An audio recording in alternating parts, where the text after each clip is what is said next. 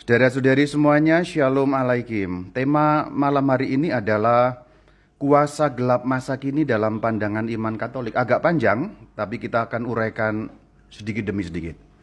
Tentu kuasa gelap itu kita tahu itu kuasa setan ya. Kemudian Kemudian yang kita fokuskan malam ini adalah masa kini. Jadi bukan bukan yang lalu atau bukan zaman kuno tapi masa kini dan dalam pandangan iman Katolik maka tinjauannya adalah tinjauan menurut iman Katolik. Kalau nanti saya menyebut apa namanya uh, kuasa gelap, kalau saya menyebut kuasa gelap itu artinya bisa macam-macam. Kuasa jahat, iblis dan setan-setan, roh-roh jahat. Nah, itu semuanya sinonim. Kadang-kadang saya akan mempertukarkan begitu saja dengan maksud yang sama, artinya sama. Kuasa gelap, kuasa jahat, iblis, setan-setan, roh jahat, nah itu semuanya artinya sama. Maka kuasa gelap berarti kuasa jahat, kuasa iblis, kuasa setan-setan, kuasa roh jahat itu yang dimaksud. Pertama yang akan kita dalami adalah keberadaan roh jahat atau eksistensi. Kalau bahasa kerennya, eksistensi roh jahat itu seperti apa. Kita akan mengandalkan ajaran gereja Katolik karena tinjauannya di judul tadi kan dalam pandangan iman Katolik, bukan dalam pandangan iman lain. Maka disclaimernya adalah ini menurut iman Katolik. Nah, kalau kita bicara mengenai iman Katolik, tidak ada tulisan yang paling valid mengajar kita mengenai iman Katolik kecuali kitab yang bernama KGK. Katekismus Gereja Katolik. Karena dalam kitab yang bernama KGK itu semua ajaran secara ringkas dalam gereja Katolik itu tercantum sehingga kita dapat mengutip beberapa hal terkait dengan eksistensi kuasa jahat. Saya kutip KGK 391. Agak panjang saya akan bacakan nanti saya akan beri komentar sehingga akan menjadi jelas. Katekismus Gereja Katolik 391 nomor atau artikel 391. Di balik keputusan nenek moyang kita untuk membangkang, terdengar satu suara penggoda yang bertentangan dengan Allah yang memasukkan mereka ke dalam maut karena iri hati. Kitab suci dan tradisi melihat dalam wujud ini seorang malaikat yang jatuh yang dinamakan setan atau iblis. Masih nyambung. Gereja mengajar bahwa ia pada mulanya adalah malaikat baik yang diciptakan Allah.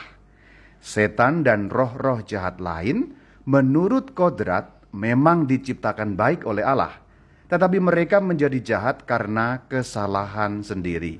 Mengutip Konsili Lateran keempat tahun 1215 tercantum, uh, tercantum juga dalam dokumen DS The Denzinger Measure artikel 800. Nah ini kutipan mengenai eksistensi roh jahat. Saya akan memberi komentar sekarang dengan mencuplik bagian-bagian yang lebih pendek karena kan itu panjang. Kita harus mengerti dengan pendek-pendek.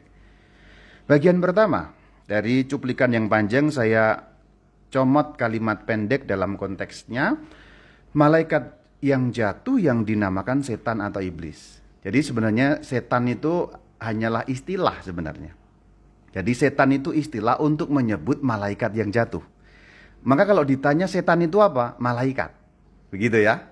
Saya andekan tahu, ini sudah kelas lanjut. Jadi saya mengandekan perkara ini Anda tahu. Kalau Anda yang belum tahu, nanti Anda bisa membuka uh, apa namanya channel YouTube Katolik Media, cari Alam Gaib. Nah, ini landasannya atau dasar-dasarnya di situ. Anda juga bisa membuka channel YouTube Katkit, katekese sedikit juga ada beberapa hal terkait dengan iman Katolik supaya landasannya jelas. Jadi kita tidak mundur lagi. Saya mengandekan ini kelas advance ya, bukan beginner ya. Maka pengertian-pengertian mengenai setan kalau Anda masih blunder mungkin agak bingung. Jadi saya tidak akan mundur karena terlalu panjang nanti, terlalu terlalu bertele-tele. Maka intinya adalah setan itu sebenarnya istilah. Setan, iblis, roh jahat, macam-macam tadi itu istilah untuk menyebut malaikat yang jatuh, yang berdosa.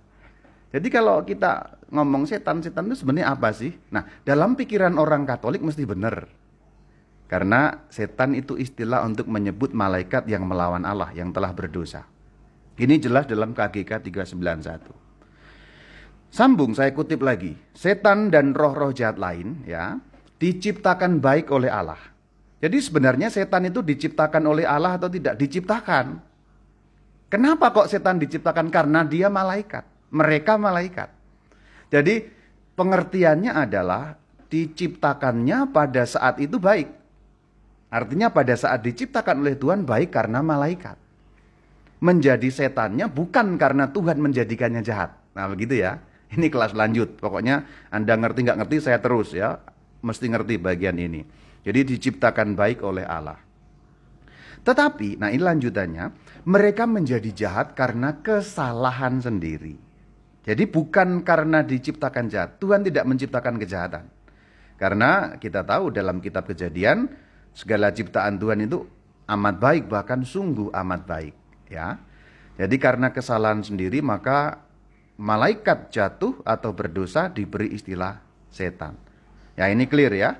Ini mengenai eksistensi roh jahat atau keberadaan roh jahat, keberadaan kuasa gelap. Artinya, dalam iman Katolik, kuasa jahat itu jelas ada.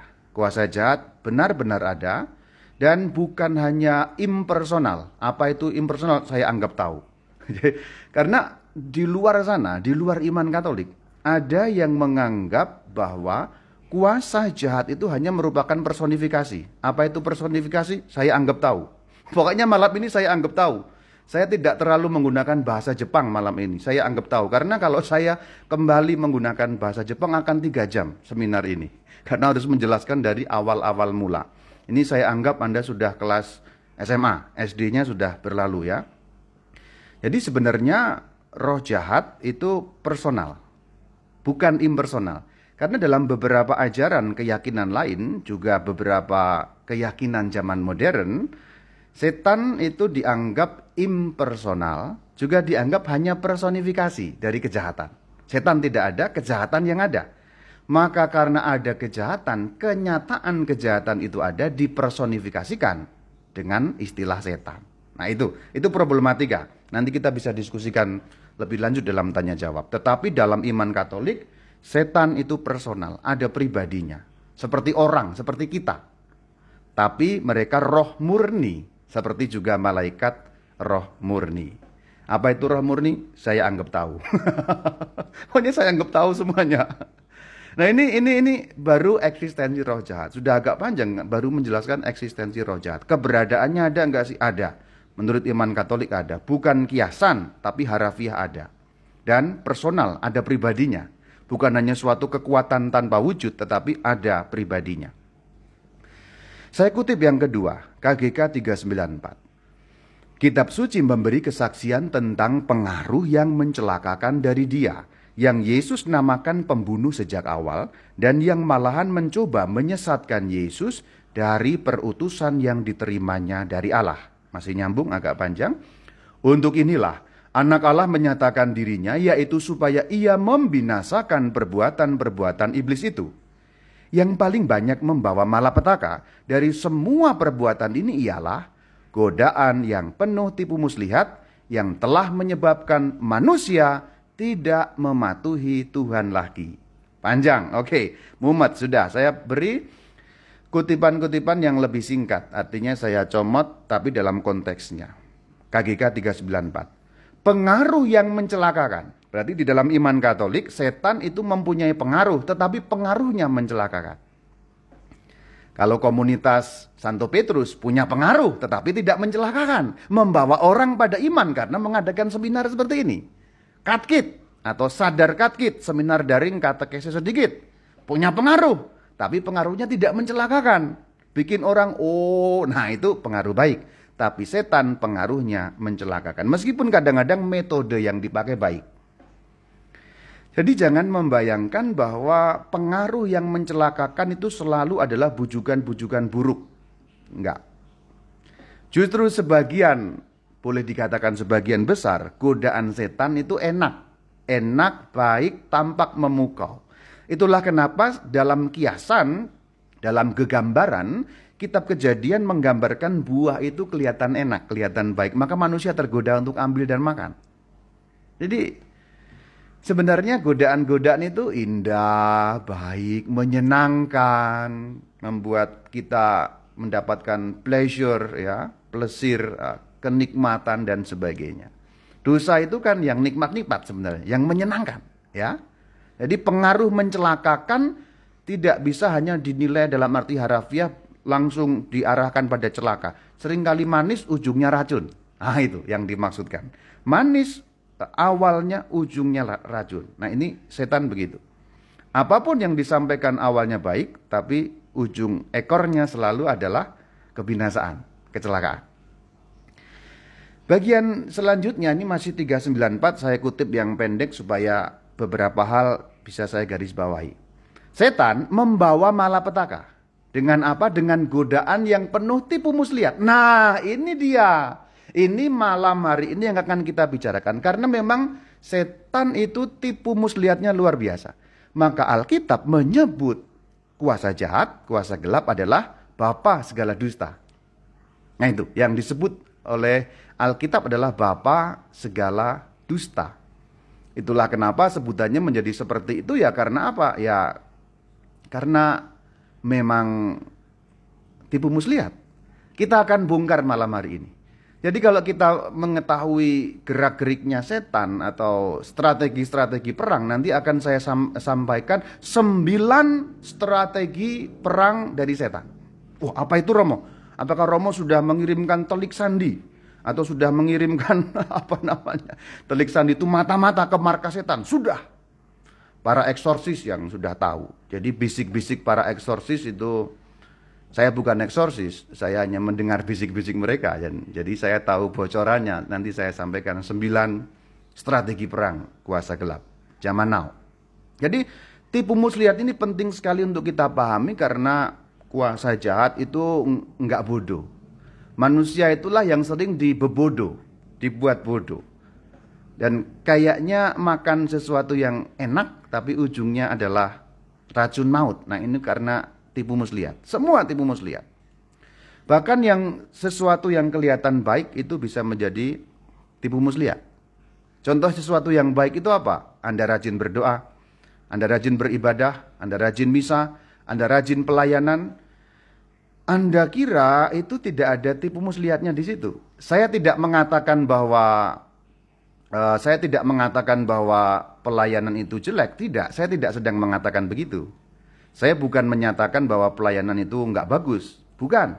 Tapi saya mengatakan bahwa sangat mungkin pelayanan yang kita lakukan untuk gereja Tuhan itu dipakai oleh setan untuk menyesatkan kita dengan tipu muslihatnya. Jadi sangat mungkin. Apa pun, bahkan termasuk yang baik ketika Anda nolong orang. Jadi gampangnya begini, setan itu sering kali nyelip pada sesuatu yang baik apa yang baik yang diciptakan Tuhan, semua diciptakan Tuhan itu baik adanya. Apa pun, tidak ada yang buruk.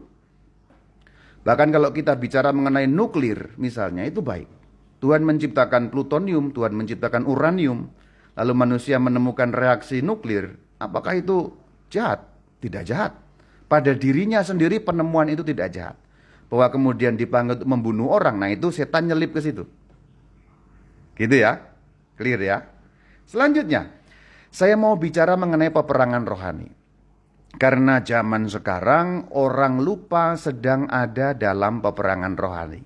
Nah ini orang zaman now ya, kan judulnya kan kuasa gelap masa kini zaman now.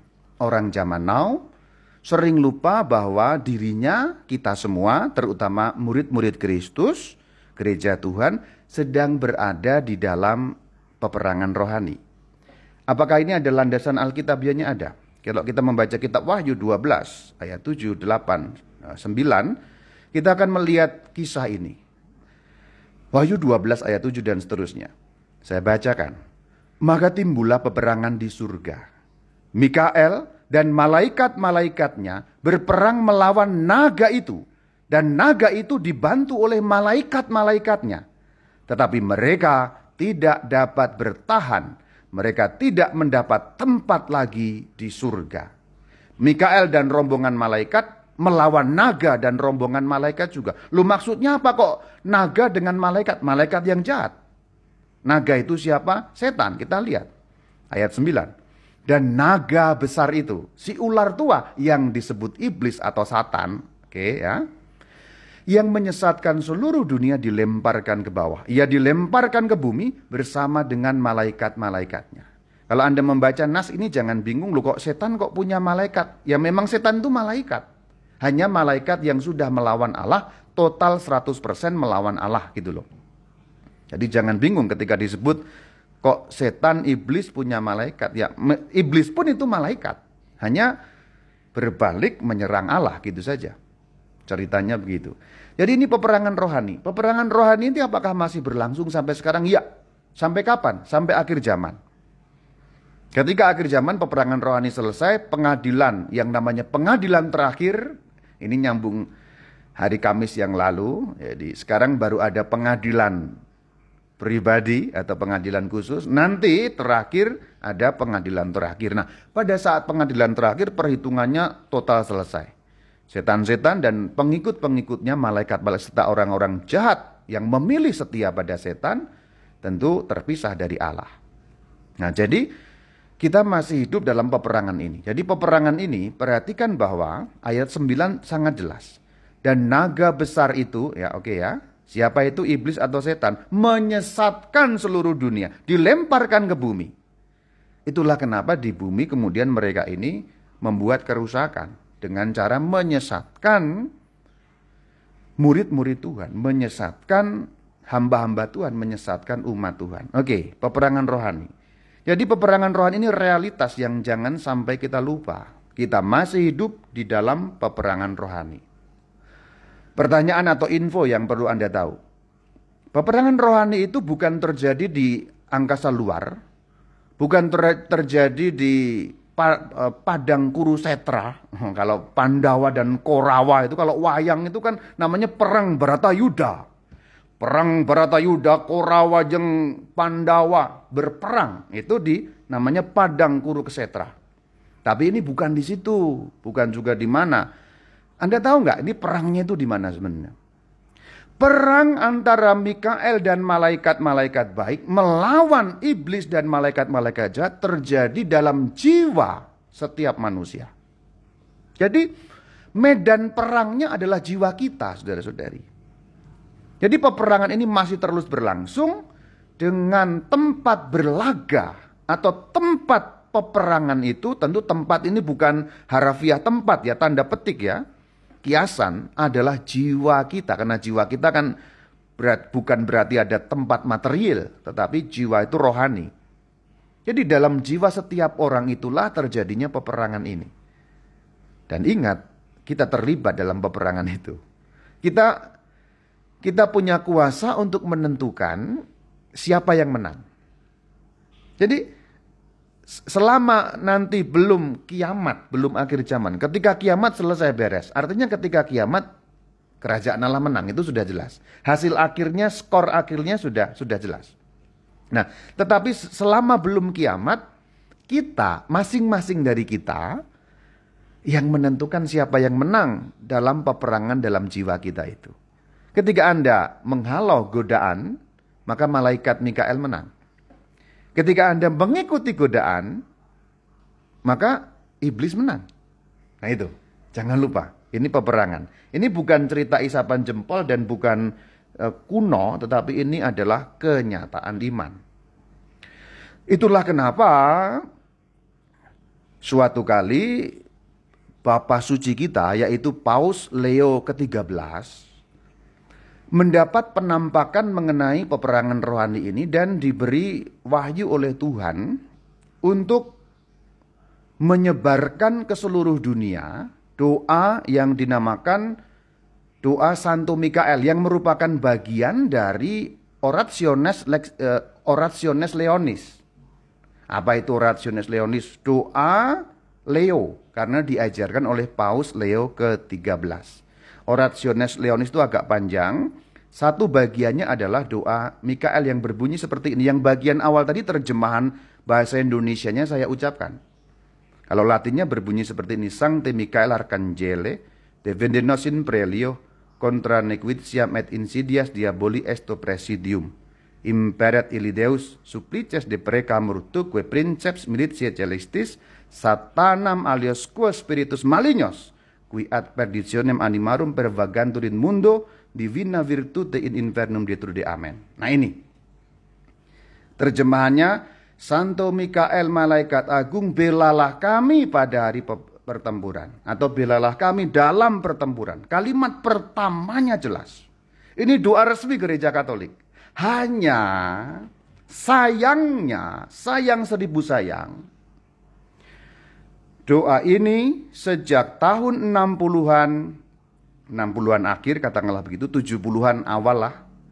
Doa ini pelan-pelan menghilang dari kasanah doa orang Katolik dan sekarang hampir dikatakan doa ini benar-benar hilang dari orang Katolik. Maka salah satu bentuk pelayanan saya adalah menyebarkan sekuat mungkin doa ini karena doa ini adalah bagian dari perisai pertempuran kita melawan kuasa jahat masa kini tadi itu. Kenapa kok doa ini hilang? Karena kemudian doa ini hilang dari rubrik misa. Maksudnya apa?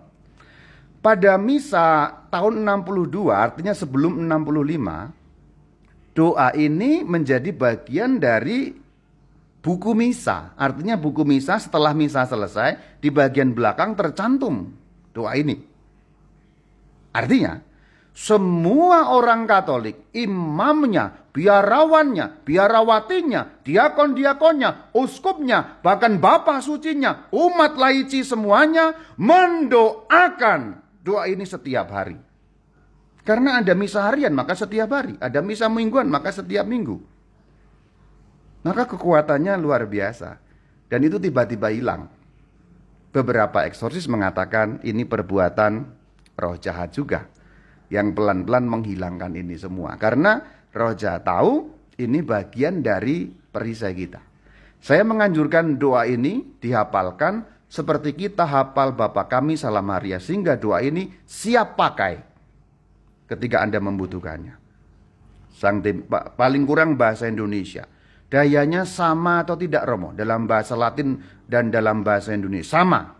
Doa Katolik dayanya sama diucapkan dalam bahasa apa pun. Dalam bahasa Latin bisa, dalam bahasa Sunda bisa, dalam bahasa Jawa bisa. Asal dilandasi dengan iman. Mau Anda doa bahasa Latin sampai nyemprot-nyemprot, tidak ada iman, maka Anda selesai. Tidak ada dayanya apa-apa. Oke, ini saya baru membahas peperangan rohani. Dan peperangan rohani intinya adalah kita memohon kepada Allah supaya didampingi oleh Santo Mikael, devende nos in prelio. Devende, nos, nos itu kami, kita, kami, defende, defend, pertahankan, harafiahnya begitu. Bela, dibela. Ya, defend ya, defense ya, defense. Defendenos, pertahankan kami. In prelio, in battle, in war ya. Pertahankan kami di dalam peperangan. Pertahankan kami artinya supaya kita bertahan tetap di pihak Allah. Saya pit stop dulu.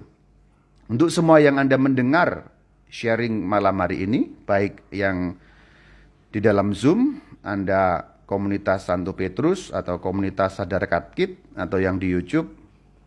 Mulai hari ini, doakan doa ini, hafalkan dan gunakan setiap hari. Dan doakan seusai misa. Seperti kebiasaan orang Katolik sampai tahun 62.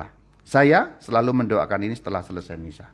Dan sudah ada banyak orang yang saya ajak untuk mendoakan termasuk sekian ratus orang di sini saya mengajak untuk mendoakannya. Oke, ini pit stop pertama. Kita belum sampai ya ke masa kini ini baru yang umum-umum. Sekarang tipu muslihat kuasa jahat.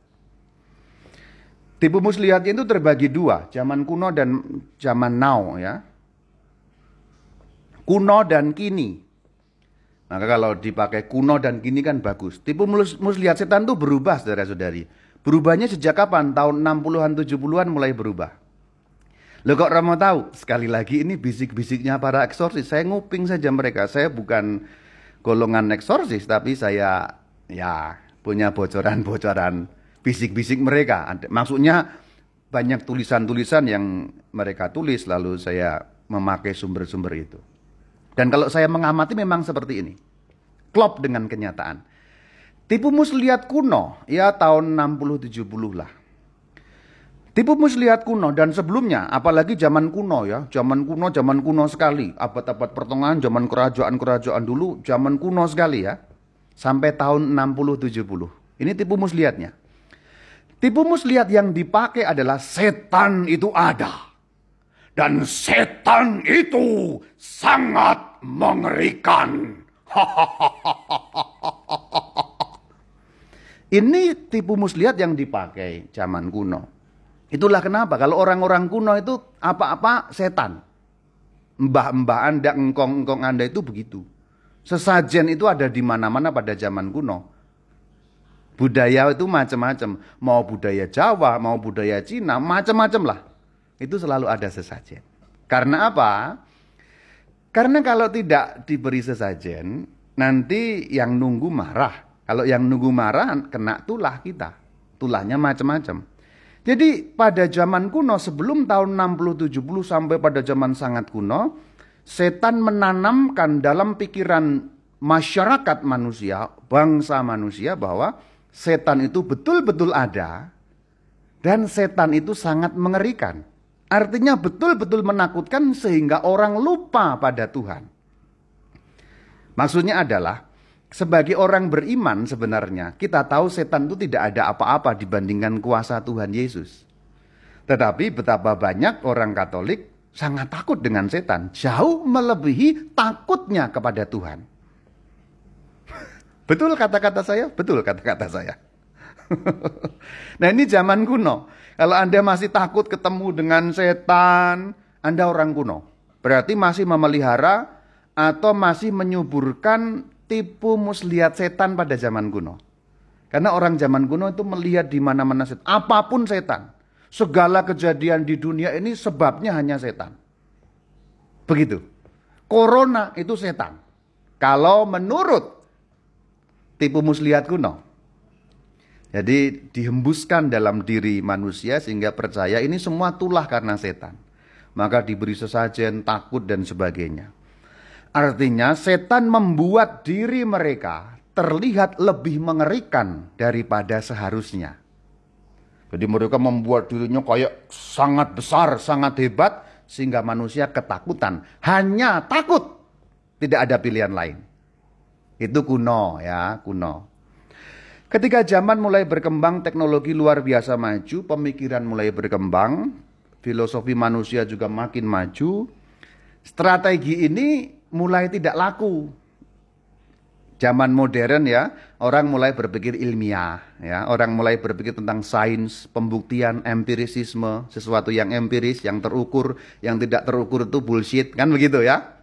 Maka pelan-pelan setan mengganti strategi karena kebudayaan manusia berubah. Strategi zaman kuno yang menakut-nakuti, wah itu mulai diragukan orang. Maka tipu muslihat zaman sekarang sebagai sebuah ide, ini dunia ide ya sebenarnya. Sebagai sebuah ide, setan menanamkan ide dalam pikiran bangsa manusia bahwa setan itu tidak ada. Kalau setan tidak ada, maka peperangan yang disebut tadi tidak ada. Maka tidak usah takut, kita tidak ada musuh kok.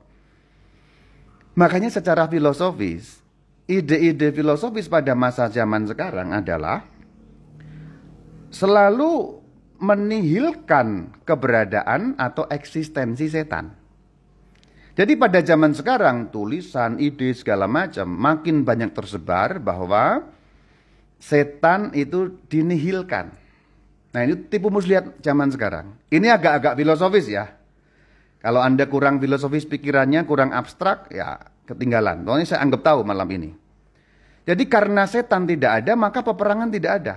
Jadi semua yang zaman kuno tadi, perkara-perkara mengenai roh jahat, setan, menurut sebagian atau malah mulai banyak dan sebagian besar orang zaman sekarang, itu dinilai bullshit, dinilai omong kosong, dinilai dongeng bocah, tidak lagi relevan dengan orang zaman now yang maju, modern. Gitu. Maka tidak usah takut. Apakah ini sama berbahayanya? Sama berbahayanya bahkan lebih berbahaya. Sama berbahayanya bahkan bisa lebih berbahaya. Jadi ekstrimnya itu dua. Sangat takut kepada setan itu juga salah karena membahayakan karena Anda lupa pada kuasa ilahi yang lebih besar. Tetapi menganggap setan itu hanya simbolisme, tidak ada kiasan. Yang ada itu kejahatan manusia loh. Kalau sekarang begitu mikirnya banyak orang. Yang ada itu kejahatan manusia. Nah kejahatan manusia itu simbolisasinya adalah setan. Maka setan hanyalah simbolisasi dari kejahatan manusia. Maka karena hanya simbolisasi setan tidak ada. Kalau setan tidak ada peperangan yang tadi tidak ada. Itu hanya simbolisasi. Keinginan jahat dan keinginan buruk hanya diri kita sendiri. Nah cara memahaminya begitu. Akibatnya apa? Akibatnya adalah saya memberi gambaran. Kalau Anda ada di tengah pertempuran, tapi Anda menilai tidak ada pertempuran, apa yang terjadi? Anda segera terbunuh karena memang Anda di tengah pertempuran. Maksudnya begini, Anda menganggap pertempuran itu ada atau tidak, tidak mengubah kenyataan bahwa pertempuran itu ada. Sulit dicerna perkataan saya, saya ulangi. Anda menganggap pertempuran itu ada atau tidak, pertempuran itu de facto ada. Jadi pertempuran itu eksistensinya jelas ada, tidak bergantung pada pengertian Anda. Anda mau menganggap tidak ada, nyatanya ada. Saya gambarkan di depan sekarang agak saya jepangkan. Di depan Anda ada ular berbisa. Ular berbisa itu persis di depan Anda di situ. Sudah begini, ular kobra gede, garaga itu ya. Ular itu ada di sana. Anda menganggap ular itu ada atau tidak, ular itu di situ. Mulai paham ya? Jadi ular itu di sini. Anda mau menganggap ular ini ada atau tidak, tidak ada pengaruhnya buat ular ini. Ular ini tetap ada. Anda mau menganggap setan ada atau tidak, setan tetap ada. Dan itu lebih berbahaya sehingga orang menjadi lengah. Nah, ini zaman sekarang. Ketika lengah maka ah setan itu kan tidak ada, maka mereka tidak tidak eksis. Setan tidak eksis. Itu kesimpulan zaman now. Nah, godaan berpikir filosofis orang zaman now adalah menganggap setan tidak ada. Konsekuensi atau dampaknya adalah peperangan tidak ada. Maka Anda ada dalam bahaya karena sesungguhnya kita berada di tengah peperangan. Hanya orang tidak menyadari atau tidak menganggap itu ada, padahal ada. Jadi tipu muslihatnya berubah ya, zaman kuno dan zaman now itu berbeda ya. Zaman kuno, ini zaman now. Ini kuno, ini now. Kuno dan kini. Yang kuno kita tinggalkan. Meskipun saya yakin di antara yang mendengar ini masih ada yang terkena tipu muslihat kuno. Untuk saya sudah nggak mempan yang kuno itu. Melihat setan apa, sudah nggak serem saya. Dulu zaman SMP ya SMA masih serem lah. Wow, wow gitu. Takut orang kerasukan terus serem gitu. Untuk saya ini udah udah nggak mempan ini. Kenapa Romo? Oh, muka saya lebih serem. nggak mempan. Oh, setan ketemu saya malah takut lihat muka saya ini. Oh, mukanya muka saya lebih serem. Tapi artinya uh, pemikiran pemikiran saya berubah atau berkembang. Jadi setan yang tampak dan banyak info yang didapat, maka kita makin tahu sebenarnya. Setan itu begini loh. Kalau setan makin kelihatan itu cemen. Setan makin jelas, makin kelihatan, makin nampak itu setan cemen. Setan yang tidak mematikan.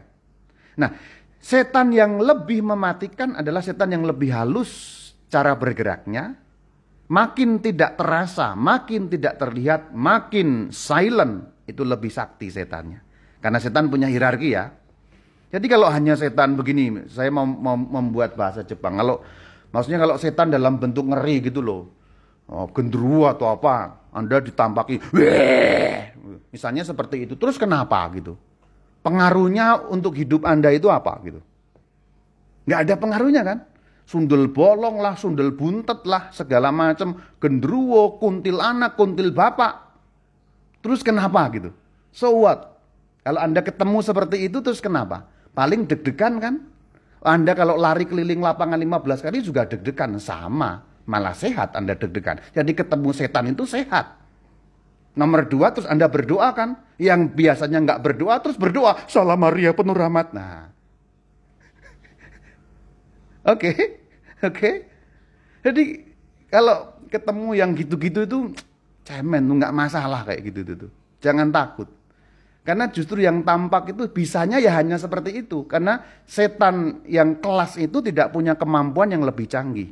Yang lebih canggih yang tidak terasa. Yang akan kita lihat bagaimana eh, apa namanya tipu muslihat zaman now ini yang lebih penting sekarang. Kita lihat sembilan strategi perang kuasa jahat. Kita lihat seperti apa. Hmm, ada semacam gangguan dalam layar.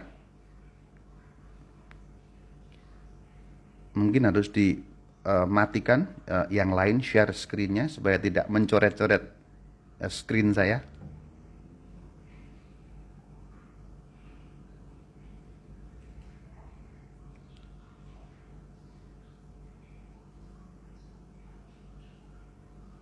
Oke, sudah ya. Oke. Sampai mana tadi? Sampai saya hilang ininya. Uh, alur saya.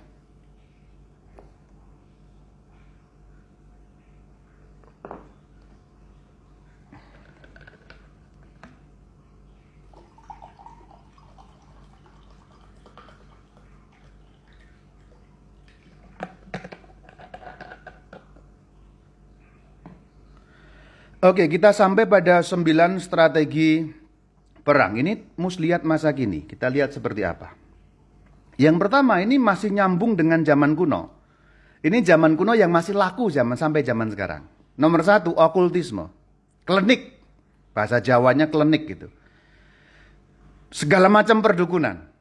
Perdukunan yang melibatkan pesugihan, orang menjadi kaya, untuk kepangkatan, untuk apa susuk, pengasihan dan lain sebagainya. Itu apakah ada benar mau benar? Kalau Anda mau kaya, ya datang saja pada dukun, minta supaya setan membuat Anda kaya sukses bisa, bisa. Ke Gunung Kawi, ke Gunung Sahari atau ke gunung mana pun. Apakah setan bisa membuat kaya? Mau bisa. Kenapa tidak? Apakah kejahatan itu bisa membuat kita kaya? Bisa. Korupsi itu kan kejahatan. Anda bisa nggak kaya dengan korupsi? Bisa. Jadi kekayaan itu tidak selalu anugerah Tuhan, saudara. Anda harus clear tentang itu. Jadi kekayaan itu tidak semua adalah anugerah Tuhan. Ada yang anugerah tanda petik setan.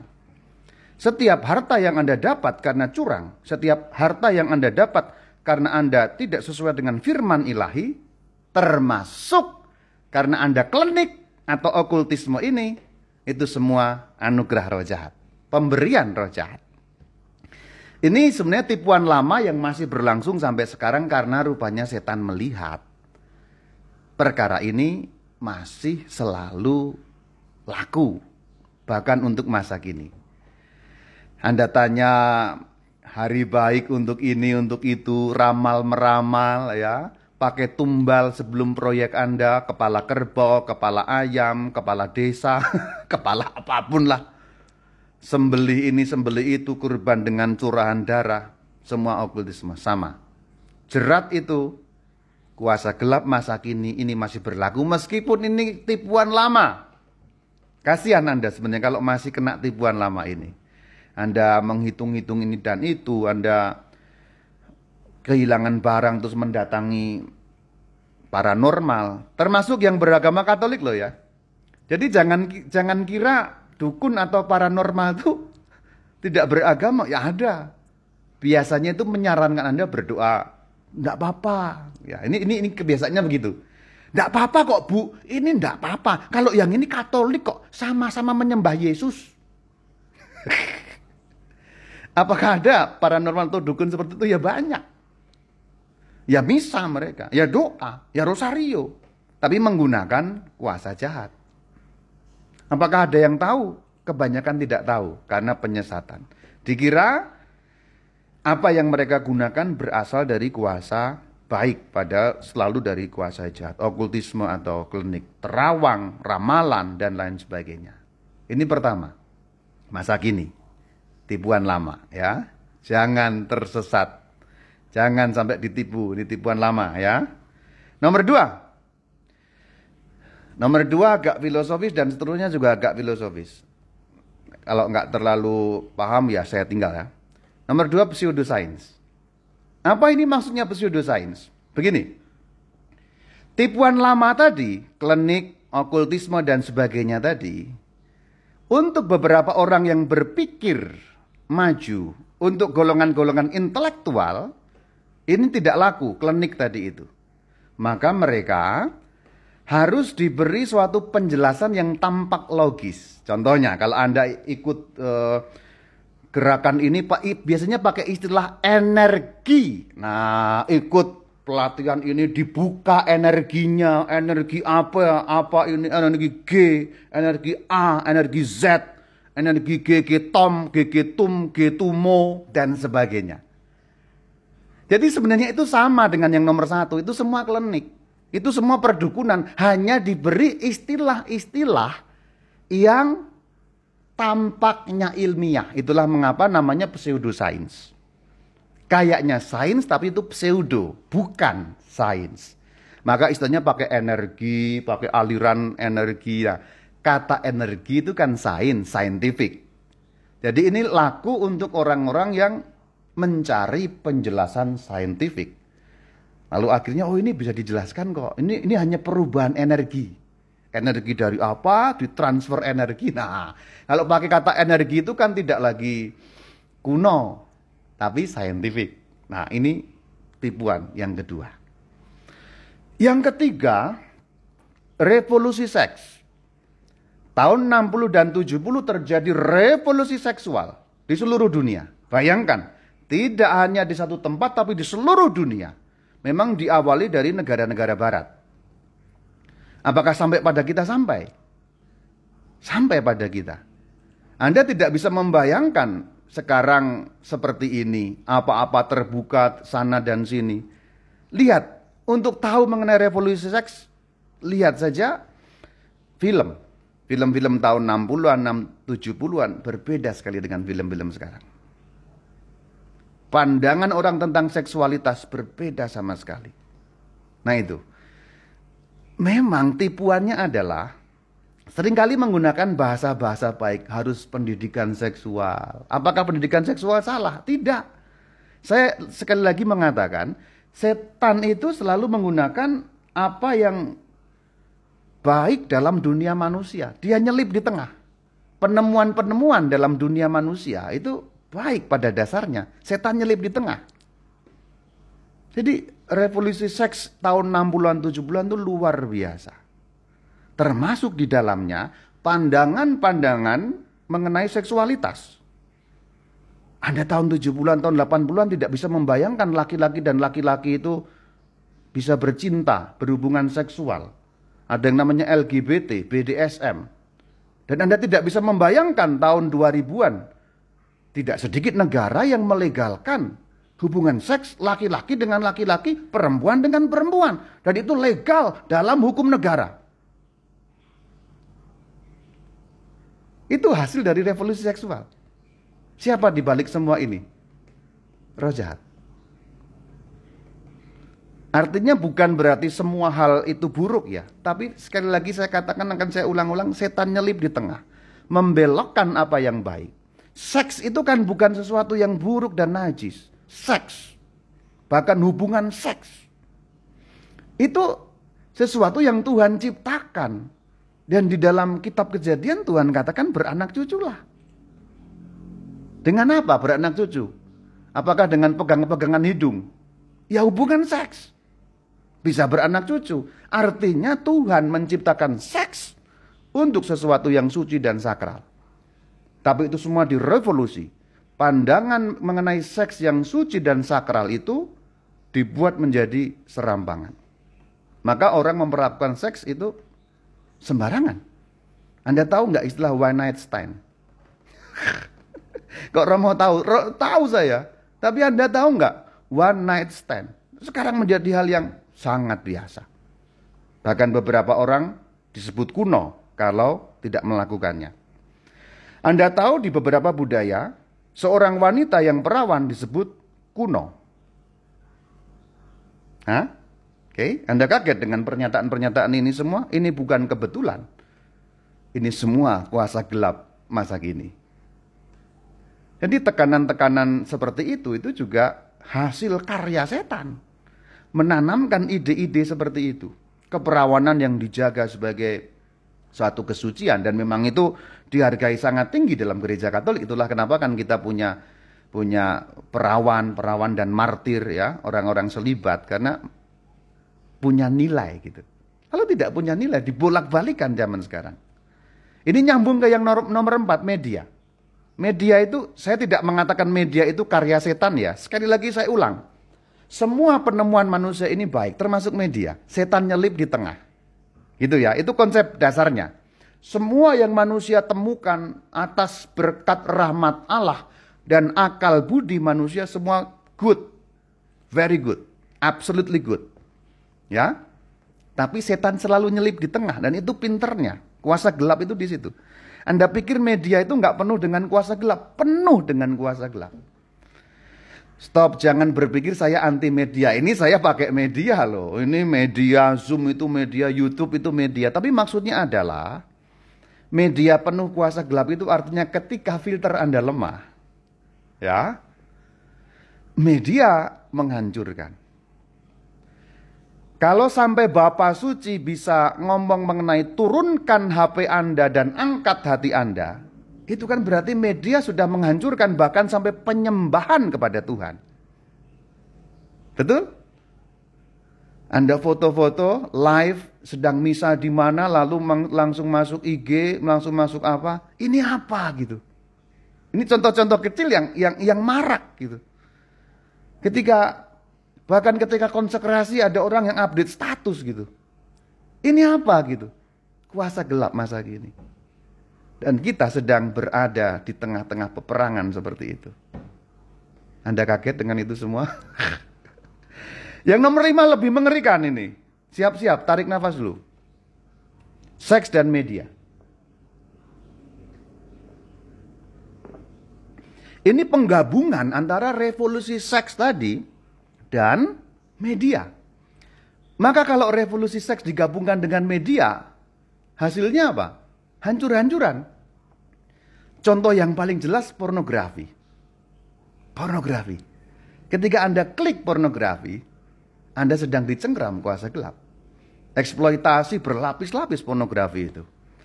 Dan kalau Anda tahu behind the scene dari pornografi, Anda bersumpah tidak akan pernah membuka lagi situs pornografi.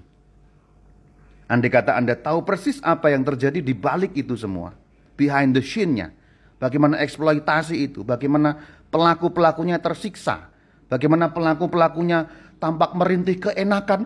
Eh, eh. Tapi sesungguhnya mereka tersiksa. Kok Romo tahu? Saya banyak menonton behind the scene, behind the scene itu.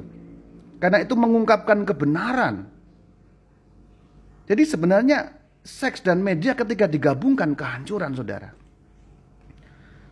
Dan pornografi ini ini tidak hanya merusak soal apa namanya sudah ada penelitian tidak hanya soal kejiwaan tapi sudah ada penelitian. Struktur otak itu rusak. Kalau orang kecanduan pornografi. Anda boleh cek. Struktur otak loh struktur kimiawinya neurologisnya rusak. Itu persis seperti kalau orang kecanduan games. Jadi seks dan media. Belum lagi ini ini agak filosofis. Belum lagi propaganda-propaganda. Seks dan media itu bisa digabungkan ketika orang disajikan dengan imaji-imaji. Rama malam ini kok nggak bahasa Jepang ya? Biarin, saya, sulit membahasa Jepang kan. Imaji-imaji itu citra, image-image. Bayangkan mengenai film, saudara. Sekarang bayangkan mengenai film. Film mana untuk dewasa? Tentu saja yang untuk dewasa ya bukan untuk bukan teletabis ya. Film mana yang untuk remaja ke atas yang tanpa mempertontonkan nuditas, nudity, ketelanjangan. Seberapapun tarafnya. Anda tidak bisa membayangkan itu terjadi tahun 60-an, 70-an, tapi sekarang menjadi sangat biasa. Ketelanjangan dalam dunia media, dalam ini film dan imaji-imaji yang muncul, itu lama-lama kan terus, terus, terus, lalu menjadi biasa lama-lama toleransi kita, toleransi kita terhadap imaji-imaji seperti itu hampir nol. Dulu hanya kelihatan belahan dada sedikit sudah gimana. Lama-lama kelihatan belahan paha sudah nggak masalah, belahan dada agak turun, sampai maaf payudara kelihatan pun menjadi nggak apa-apa lama-lama. Film-film dewasa yang kita tonton di bioskop, sekurang-kurangnya memperlihatkan payudara. Apa artinya? Ini imaji-imaji yang disuntikkan kepada bangsa manusia. Lalu toleransi kita mengenai itu menjadi nol. Ukuran-ukuran moral, ukuran-ukuran yang digariskan oleh gereja, yang kita tahu gereja itu menyampaikan wahyu Tuhan lalu menjadi menjadi batal. Dan media lebih kuat dari apa pun di dunia ini, Saudara. Ini kita bergerak yang lebih jauh lagi. Ketika media dan seks bergabung.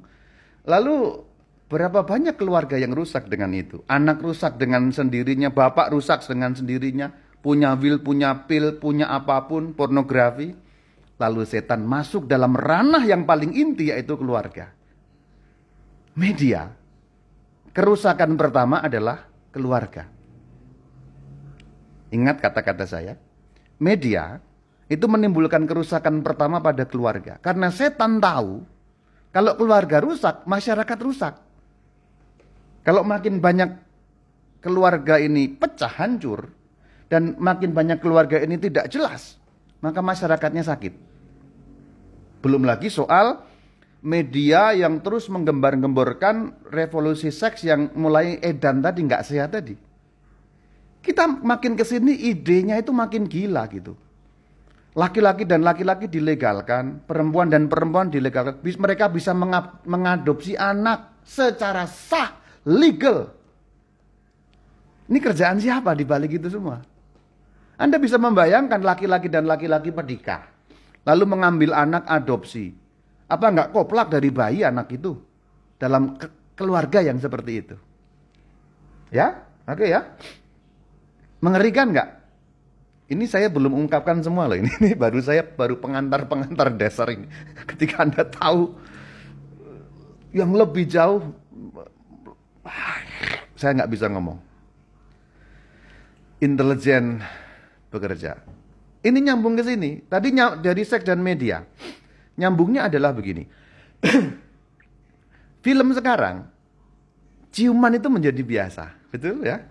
Anda yang suka film tahu itu. Film-film barat, ya hampir semua film lalu yang di bioskop. Ciuman itu menjadi sangat biasa. Dan episode lanjutan, konsekuensi logis dari ciuman adalah bergulat di ranjang. Konsekuensi logis berikutnya adalah bersetubuh.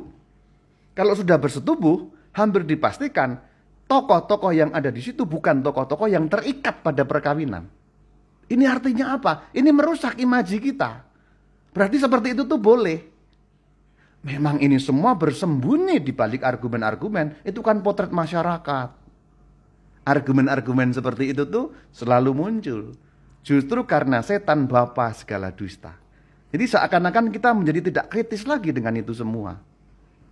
Keren ya? Kalau sudah bersetubuh dan itu bukan bukan pasangannya, salah-salah menjadi hamil. Kalau sudah hamil apa? Di sini. Strategi perang yang keenam, pro-choice. Argumennya adalah ini kan tubuh saya. Maka yang ada di dalam tubuh saya berarti kekuasaan saya, aborsi itu. Ini sudah menyebar ke mana-mana. Itu rentetannya itu dari revolusi seks, seks dan gabung dan media nyambung ke sini. Itu gila sebenarnya. Jadi, eh, aduh, itu gila sekali, sangat gila. Maka orang mengatakan pro-choice, perempuan yang sudah hamil misalnya, Lalu mengatakan ini kan body saya, tubuh saya. Apa pun yang saya lakukan terhadap tubuh saya orang lain tidak berhak menilai ataupun menghakimi saya. Karena ini bagian dari body saya. Come on. Gereja Katolik mengatakan itu memang body kamu, tapi di dalam body kamu itu ada janin dan itu manusia. Tapi kepekaan terhadap persoalan ini makin tidak ada. Anda pikir kerjaan siapa itu? Kuasa jahat masa kini. Jadi kalau Anda pikir kuasa jatuh bekerjanya hanya soal Anda salah besar. Anda salah besar. Itu roh jahat yang cemen itu. Agenda roh jahat lebih besar daripada itu. Mereka tidak hanya membuat kita takut, mereka ingin membuat kita koplak, lepas dari pegangan, apa pun itu. Dengan sesuatu yang tampak baik. Masih ada tiga, saya menghela nafas dulu karena ya gitu. Nyambungnya ke sini, relativisme moral. Yang dulu salah sekarang biasa saja ya. Segala macam kita bisa menemukan banyak contoh mengenai ini. Ini yang berbahaya untuk iman. Gereja itu ketinggalan zaman. Gereja itu kan ajaran kuno. Sekarang itu free thinker, berpikir bebas. Ngapain ikut tradisi gereja? Itu semua warisan zaman kuno. Itu semuanya cocok untuk mbah-mbah. Anda pikir kalau gereja di Eropa kosong itu sebabnya apa? Ide-ide seperti ini berkembang. Dan ide-ide seperti itu siapa dalangnya di balik itu? Evil spirits. Jadi menganggap gereja ketinggalan zaman, bukan lagi jalan, bukan lagi tuntunan, bukan lagi pegangan, nilai-nilainya kuno. Dan yang terakhir, yang terakhir agak mengerikan untuk kita. Ini khusus untuk orang Katolik. Liturgi itu hanya seremoni. Jadi setan makin ke sini makin menghembuskan bahwa ide bahwa liturgi adalah worship makin tidak ada. Gereja Katolik meyakini liturgi adalah worship, penyembahan. Dan penyembahan itu diatur tata caranya oleh Tuhan melalui gerejanya. Makin ke sini, orang merayakan liturgi dengan liturgi yang customized. Liturgi yang menyenangkan hati dan pikiran-pikiran Anda dan banyak orang disetir ke arah itu. Berapa banyak orang mengatakan, kalau saya ke gereja Katolik sepi dan saya tidak merasa apa-apa, kalau saya ke sana saya happy. Liturgi bukan soal happy. Liturgi bukan soal kita. Liturgi bukan soal yang aku dapat, tapi liturgi adalah soal Tuhan yang disembah. Nah ini. Ini kuasa jahat masa kini. Jadi ketika orang mengatakan, saya tidak senang di Katolik, saya tidak senang. Karena menganggap liturgi seremoni atau malah pertunjukan yang harus menyenangkan. Pada liturgi adalah penyembahan, worship. Glorificatio dalam bahasa Latin. Nah, liturgi sekarang dimerosotkan hanya menjadi entertain spiritual. Maaf, tanpa menyinggung kelompok lain, maka dibuat panggung yang heboh, musik yang dahsyat, pakai kebul-kebul, asap-asap, lighting, tata cahaya, bus, pertunjukan yang indah, memukau dan menyenangkan. Apa bedanya itu dengan konser musik? Dan orang menilai itu peribadatan. Oke? Okay? Begitu saudara-saudari, saya sudah ngomong panjang lebar, meskipun sebenarnya ini baru pengantar-pengantar awal yang membuka kedok-kedok dan yang paling penting adalah strategi-strategi roh jahat ini kita sedikit buka kedok. Ini hal-hal yang masih level pengantar, nanti kita bisa dalami dalam tanya jawab. Shalom alaikum.